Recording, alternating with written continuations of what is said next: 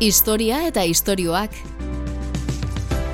Hitza, ahotsa eta soinua aztarna zahar eta berrien oihartzuna. Irratia aspaldiko kontua da. Guillermo Marconik egin zituen lehen aurkikuntzak aririk gabeko telegrafoa lortzeko. Eta ondoren, gaur egun arrunta bihurtu zaiguna etorri zen. Irratiaren lehen emankizunak oen dela eun urte, hogei garren mendeko hogeiko amarkadan hasi ziren. Aixi aldirako lehen bizi, komunikatzeko eta gerra eta propagandarako ondoren.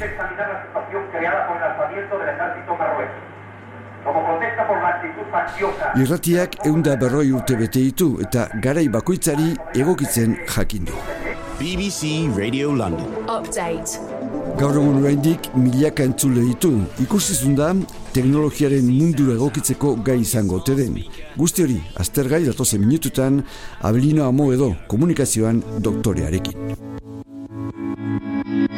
Historia eta istorioak Juan Josan Miguelekin. Historia, nazioartea eta giza iragana ahots hautatuen eskutik. Elkarrizketen bidez, gizakiok gaur egunera arte ekarri gaituzten bideak jorratuz.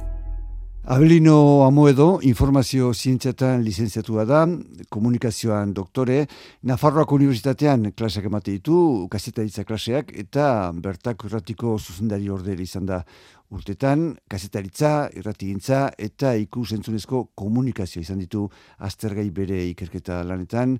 Abelino Amoedo, ze moduz? Kaixo, sondo, eskerrik asko.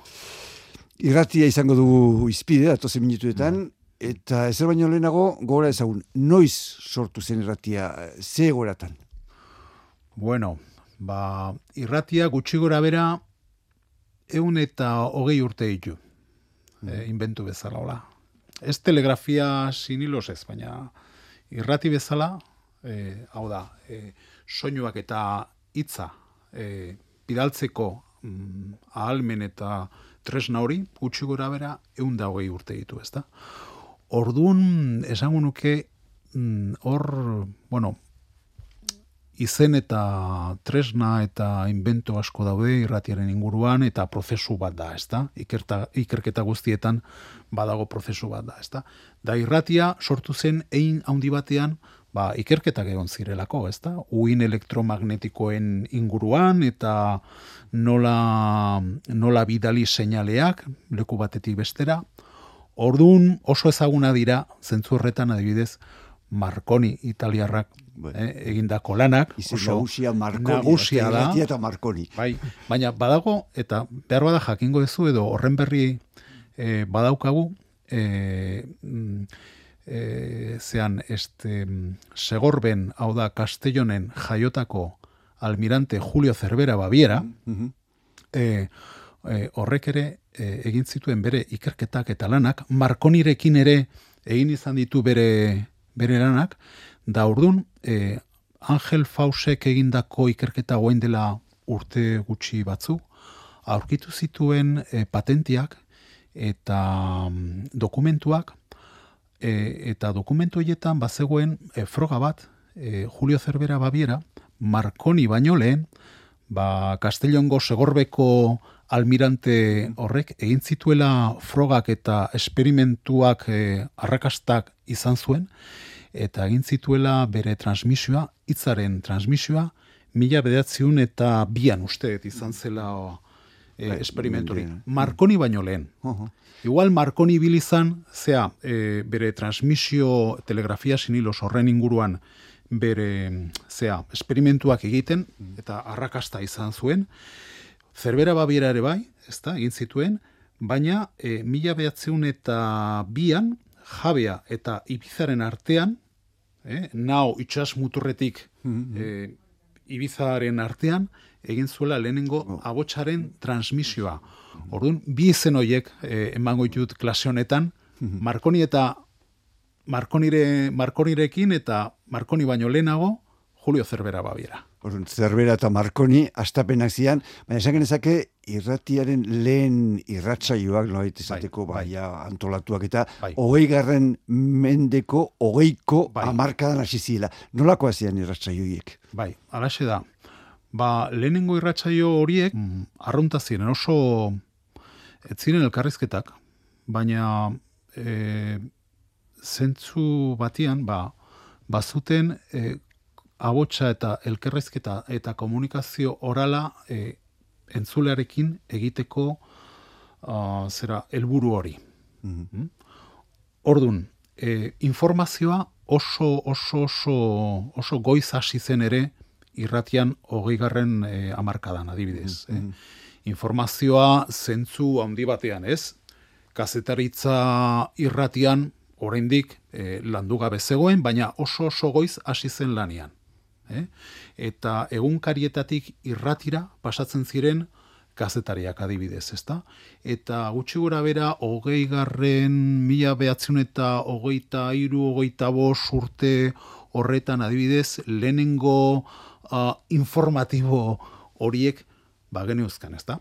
Gero, por supuesto, uh, musika iragarkiak e, eta hola gizartearekin zerikusia zuten e, ekitaldiak. Mhm. Adibidez, bueno, hori beranduago izan zen, baina adibide bezala mila bederatzen eta e, hogeita malauean Radio Vitorian gazteiz irratiaren lehenengo emisioa izan zen homenajea la vejez, ez da? Mhm, ekitaldi mhm. bat egin zena hor e, gazteizen bertan, ekitaldi konkretu bat hor.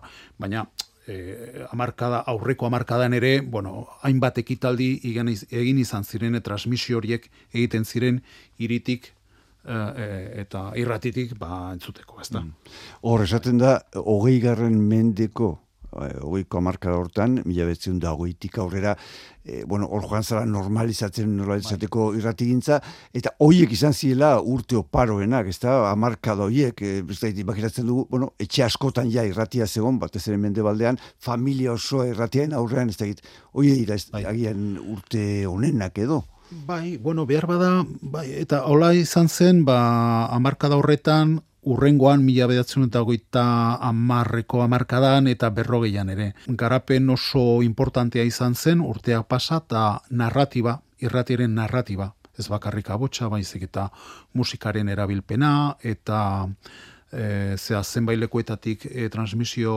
horiek egiterakoan, ba, oparoak izan ziren, klaro, eske komunikabide hori, e, deskubritzen ari zen, ezta? Eta bere narratiba propioa. Mm Ordun horregatik oparoak dira eta mm, aldi berean e, irratian irratitik ere ematen zen e, mezua izan zen da promozioarena, ezta? Ba, in, tresna inventu berri bat da.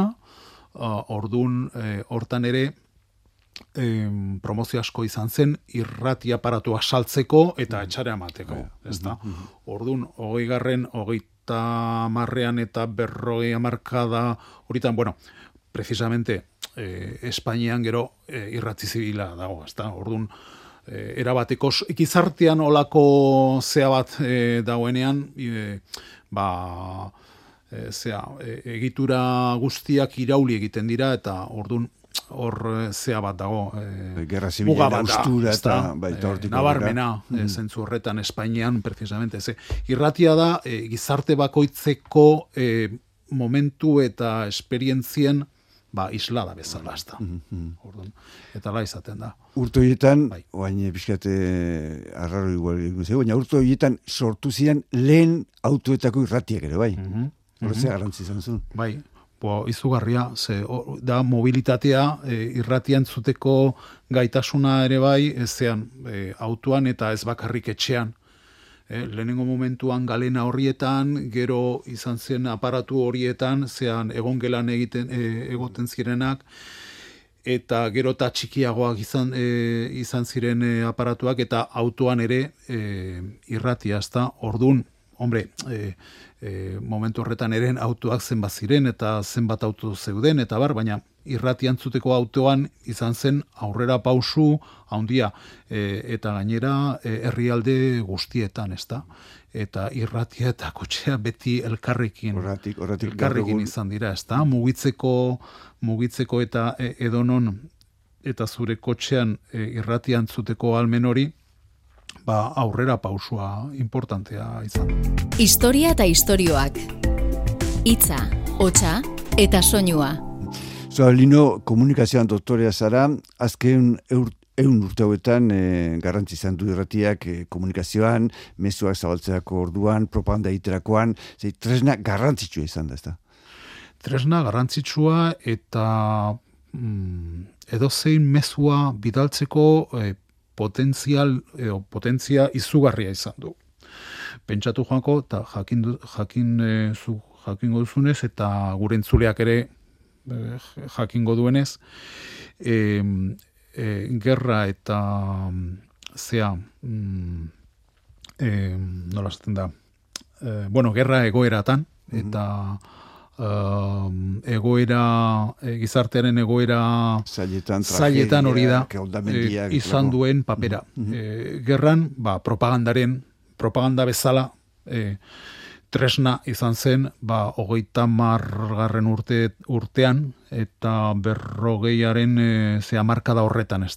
Eta Europan. E, bigarren gerratearekin, bi gauza, bigarren gerrate mundialarekin, bi gauza gertatu ziren bi gauza. E, alde batetik, ba, gerraren inguruko albisteak entzuteko eta jakiteko e, naia, eta jakin hori, mm bazegoen, eta ordu horregatik e, zerbitzu informatiboak ere, mm, zera, e, zerbitzu informatiboen e, e, edapena, eta e, zabalpena, eta bestetik, ba, zenbaiten eskutik hartu irratia eta eta ordun propaganda egiteko eh, almen hori, ezta. Ordun e, mezu hori eh, alde batetik eta bueno, e, egoera zailetan laguntzeko e, laguntzeko izan da tresna, laguntzeko tresna, e, e, deitzen duguna e, zerbitzu informazioa. Mm? Ez da, hau da, entzule, en, entzulearen beharrak e, entzulearen beharrak e, laguntzeko mm. eta emateko ba, mezuak, ezta? Mm. Orduan oso paper importantea izan da historian zehar. Eta ez bakarrik gure gizartean, baizik eta bai. munduan, ez da? Urte horiek, esan dugu, hori arremendean pixka eta ziziela, e, Espainin, esan duzu, eta gila da, e, Franco, bueno, e, kolpea, gerra zibila, eta, bueno, hor, garrantzi beze hartzen du, e, Rai Nazionala mm Espainin sortzen da gerrakin batera, bai. bai. bigarren mundu gerran zalantzari bai. gabe, egundoko eragina izan zuen, bai propaganda moduan, balemanek zaterateko, bai informazio moduan, askotan ikusi duguna, ez da bai Inglaterran, Frantzian eta bar, baina ona etorrita, frankismo garaian ba, esat, mila behatzen dugu eta masian sortu zen Radio Nazionala, nola erabilizit zuen mm. Franko edo Frankismoak irratia? Bueno, momentu, lehen momentuan, ba, propaganda e, tresna bezala, eta informazioa emateko, informazioa la mezu informatiboa edo propaganda hori, eh? pixkan da hasten dira, ezta? E, egiteko ba, tresna nagusia. E, pentsatu, ze mm, irrati pribatu guztiak, Espainian gertatu zen, ze irrati pribatua jaio zen, etzegoen e, irrati ofizialik esango dugu, mhm. eta horrekin irrati ofiziala e, amarkada horretan eta berroian eta berrogeita margarren e, amarka horretan indartu egiten da, eta hasi eta informazioa emateko ahalmena bakarrik dauka eh, Radio Nacional, Nacionalak dauka monopolio hori, ezta? Beste konektatu egin behar zuten parte amateko, albisteko amateko. parte amateko konexioa egin behar zuten irrati guztiek, mm. eta informazioa, informazioa, bueno, albiste emankizunak, desagertu ziren, mm eh? eta dena kontrolatuta. Eta egoera hori, eh, aldatu egiten da, pixkanaka, pixkanaka, irurogeita amabostean, irurogeita amazazpian, lehenengo ekimen batzuk, hola informazio gertu, um, informazio lokala emateko zea hori ba, eh, sartzen dira, hau da, gizarte aldatzen ari da, eta irratia, pixkanaka, pixkanaka, ba, e, zea, e, leku horretan sartzen da, da orduan saiatzen da, zenbait ekimen eta programa edo irrasaio egiten horren inguruan, ez da. Egoera hori noiz aldatzen da, mila bedatzen eta ofizial, ofizialki aldatzen da mila bedatzen eta irurogeita amazazpian.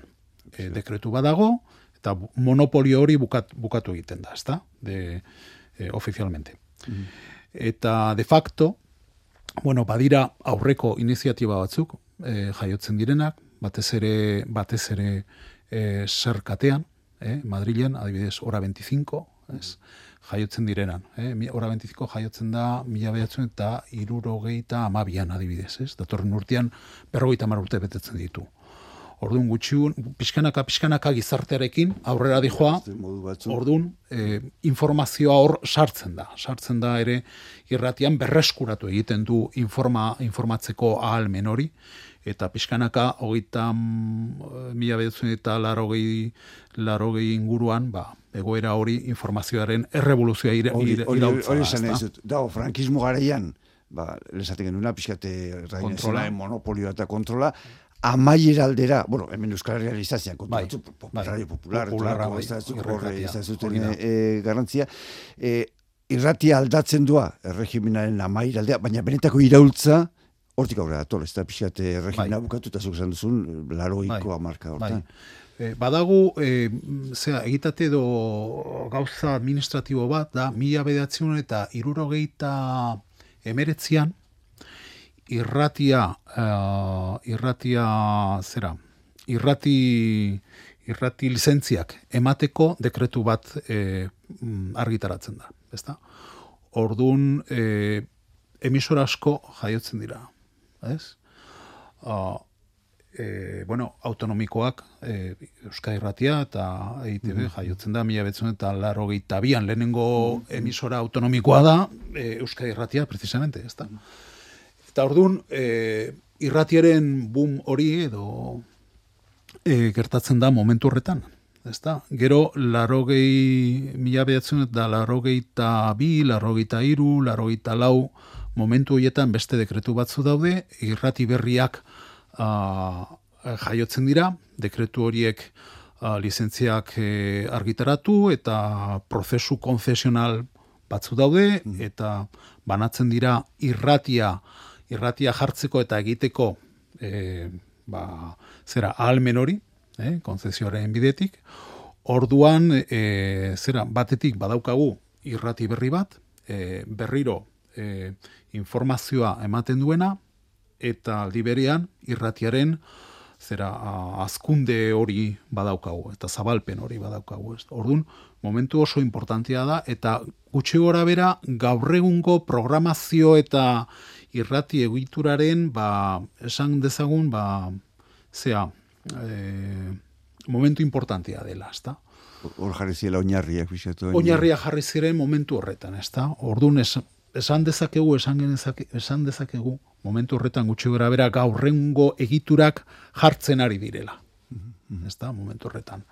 Eta, bueno, mm, iritsi gara gaur egungo e, egoerara, ezta? Hori e, Estatu Espainiarrean, bat ez Franco hilda gero, bai. zalantzei gabe hor e, bai. bai sortzen dira, formula diferenteak eta bar, hori Estatuan, Euskal Herrian bai. gauza berezin bat genuen, gauza bere izan zen, ikusta duzu diferentziai? Bueno, antzekoa, ze, zuk lehenago esan duzun bezala, e, mila betzuen eta berrogei eta margarren urtearen inguruan hor e, emisura batzu jaio dira, mm -hmm. erri irratia, segura irratia, rati irratia, e, zea, horari dira aldi berean FM irratia ere garatzen hasi da, edo garatzen sortzen. Elizaren inguruan sortzen dira, ez? Bai, emisora parrokialak deitzen direnak, mm-hmm. eta Elizaren inguruan. Eta gero mm, horren ondoren, hogei urte beranduago, mila betzen eta laro gehi, iruro margarren uh, urte horretan, ba, mm, dekretu horiek direla medio, ba, emisora asko jaiotzen dira, ezta? Eta autorizatuak izaten dira. Lizentzia bat e, lortzen dituzte, ba, a, irrati, irrati kateek, ezta? Ordun e, irrati katearen kontzeptua indartu egiten da, eh? A, zerkatea, kopekatea, eta bar, antena 3, adibidez, antena 3 e, kate hori ere, mila bederatzen eta larogei eta bian jaio dela, mm uste dut. Orduan kateak irrati lokaletik e, katea indartzera pasa da. Eta orduan e, prozesua antzekoa da, ezta? Ez da oso desberdina. Baina e, zea e, berizitasun badago. Ze e, lehenengo komunitatea lortzen duena e, ahalmena bere irrati propioa garatzeko, irrati publikoa da, e, e, e, Euskal Autonomi e, komunitatea, ezta. Mm Katalunian ere gero bere aleinak zituzten eta proiektua jaio ziren eta orduan mila bedatzen eta larogeita bian e, autonomia estatutua e, dela medio, ba, orduan garatzen du eta errealitate bat e, edo errealitatean e, jartzen du martxan Euskadi Irratia eta Euskal Telebista. Historia eta istorioak Aintzinakoak gogoratu eta gaurkotuz. Euskadi, Euskal Herriaz edo Euskal Herriaz bai. eta e, mengo irratiaz, izkuntzak bai. noraino mugatzen du, noraino aukera ematen du, ze garrantzi du izkuntzak irrati gintzen? Ba, izkuntza da irratia, eta irratia da izkuntza. Mm. irratia fenomeno lokal bata. Bueno, hitza egin dezakegu. Bueno, nazionala lokal bezala paralelismo edo konparazio egin dezakegu. Bueno, egin dezakegu, ezta? Mm Orduan Euskal Herrian e, euskarazko irratia ba, e, gure hizkuntza da, ezta?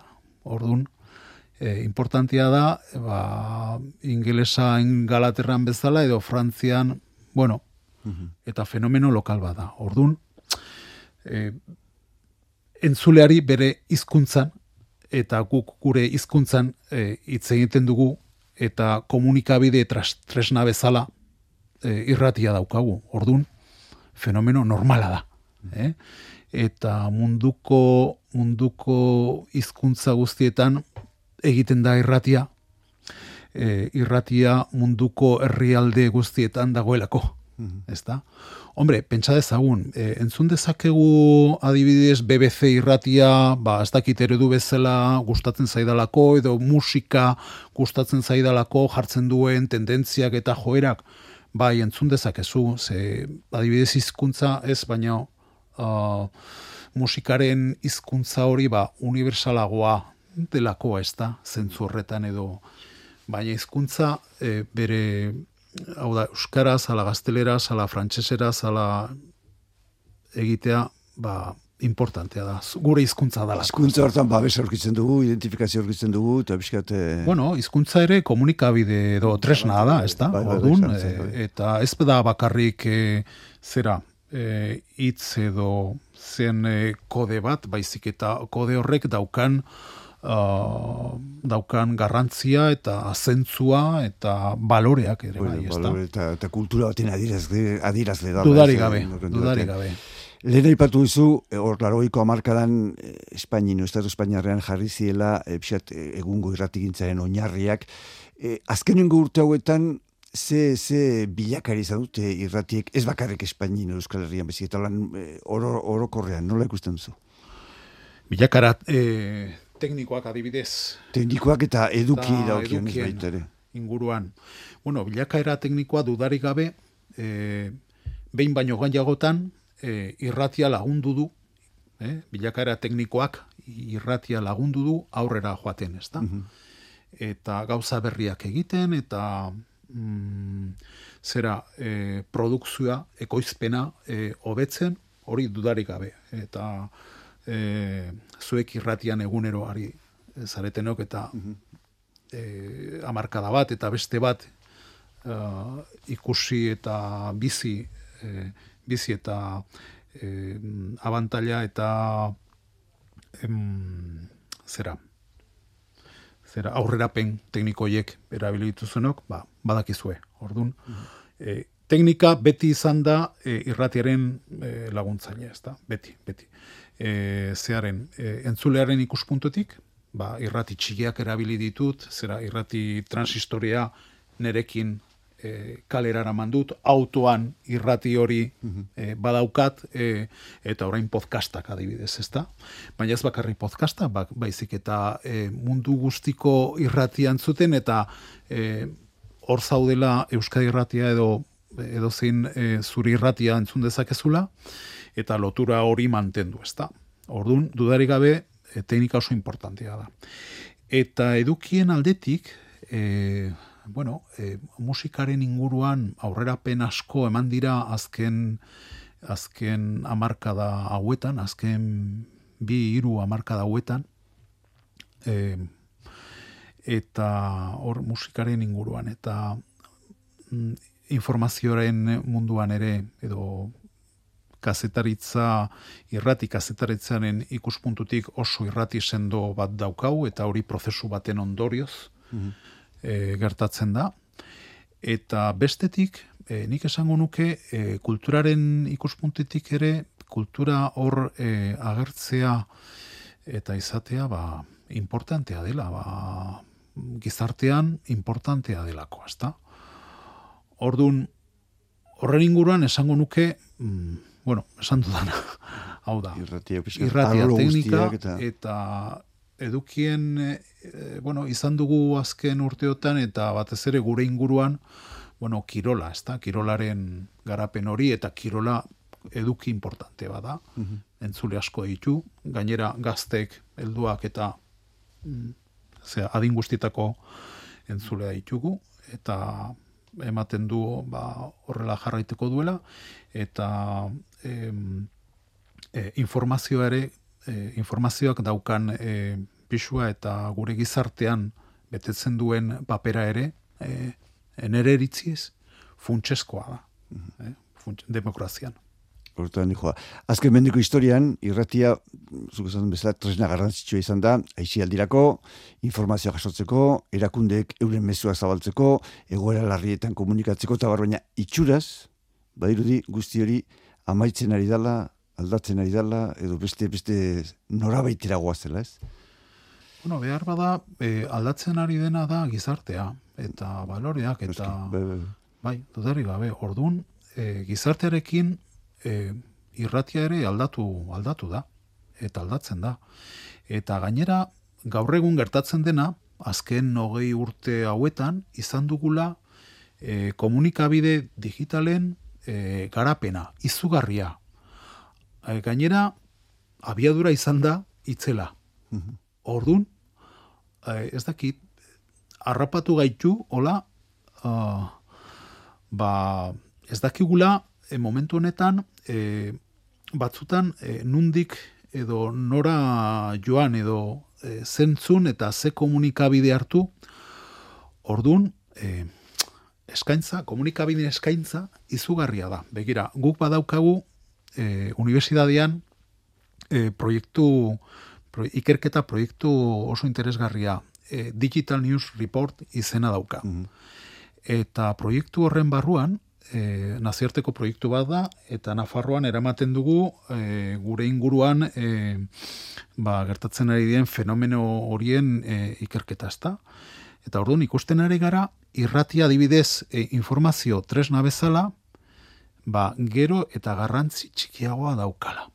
Zergatik, ba, mm, badaudelako, e, badirelako, e, beste komunikabideak informazioa ere ematen dutela. Eta e, belaunaldi gazteenak, edo belaunaldi gazteek e, erabiltzen dute mm, beste tresna eta beste iturriak, ezta? Mm Ordun horren inguruan, claro, eske eh, panorama ez, ez, ez da berdina. Eh? Gaur egun daukagun panorama, komunikabide panorama eta eskaintza handi hori, itzel hori, eta komunikatzeko eta tresnak erabiltzeko uh, panorama hau, e, ez da berdin, e, garatu egin da e, pilo bat, ordun oiturak aldatu egiten dira, gure gizarte oiturak ere aldatu egiten dira, bizimodua aldatu, aldatu da, bizimodua, um, gure, gure oiturak aldatzen diren enean, ba, mm, gure mm, komunikabideak konsumitzeko erak ere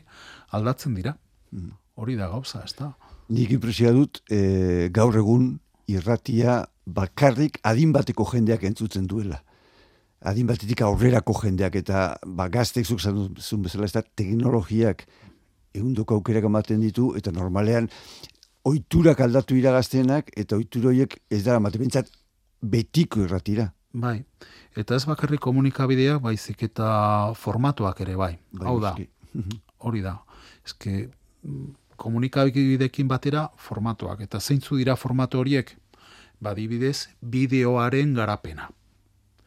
Ez da bideoklipa bakarrik. Baizik eta bideoan e, informazioa edo edo zein edukia konsumitzeko e, joera eta nahi hori, ezta? Orduan, erakargarriagoa omen da e, e, ba, gazteak konsumitzen duen e, formato hori eta irratian zuteko era eta esan dezagun aintzineko formato informatibo horiek entzuteko mm, ohitura ba, galdu egin da edo aldatu egin da.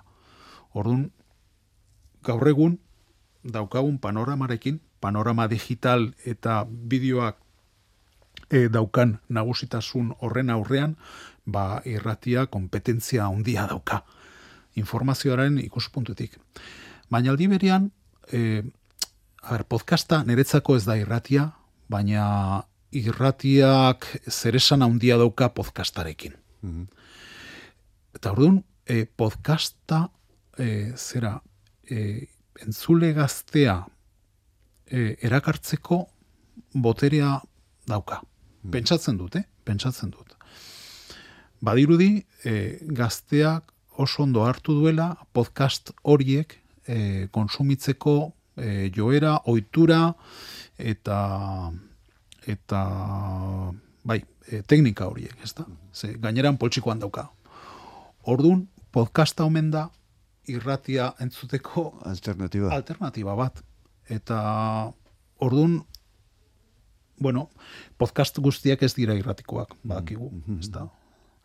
Baina irratia garran, irratia, irratiak garrantzia handia dauka podcasta e, egiteko eta bere zenbait eduki e, eremu edo esparru horretara eramateko gaitasuna dauka mhm. eta horren bidian dago. Horren azkenengo galdera da, bai. edo nire etortu zaidana, e, oiko irratia amaitzen ari da, edo, aldatzen ari da, edo, en fin, badirudi, beti zautu dugun hori, baina, adinean aurrean, dijoa jendea bakar entzuten duela, zer, ze espero genezak etorkizunerako? Nola ikusten duzu etorkizuneko irratia? Bueno, nola ikusten dugu? Nola ikusten dugu gizartea, ze oiturak dauzka, eta zer dauka irratiak esateko gazteari eta helduari.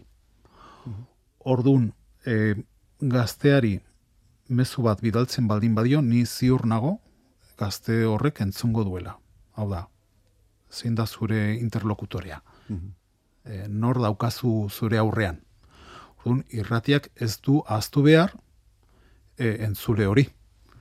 E, eta entzule horri esateko erak eta bere intereseko edukiak, noski. Mhm.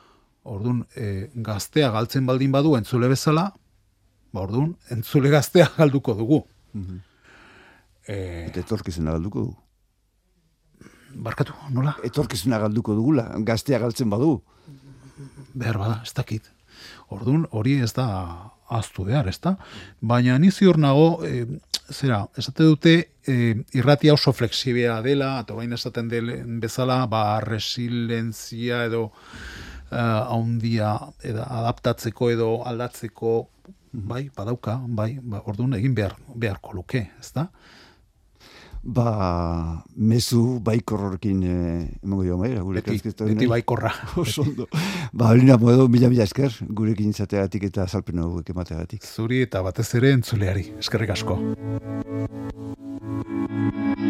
Historia eta istorioak Juan Josan Miguelekin. Historia, nazioartea eta giza iragana ahots hautatuen eskutik. Elkarrizketen bidez, gizakiok gaur egunera arte ekarri gaituzten bideak jorratzen.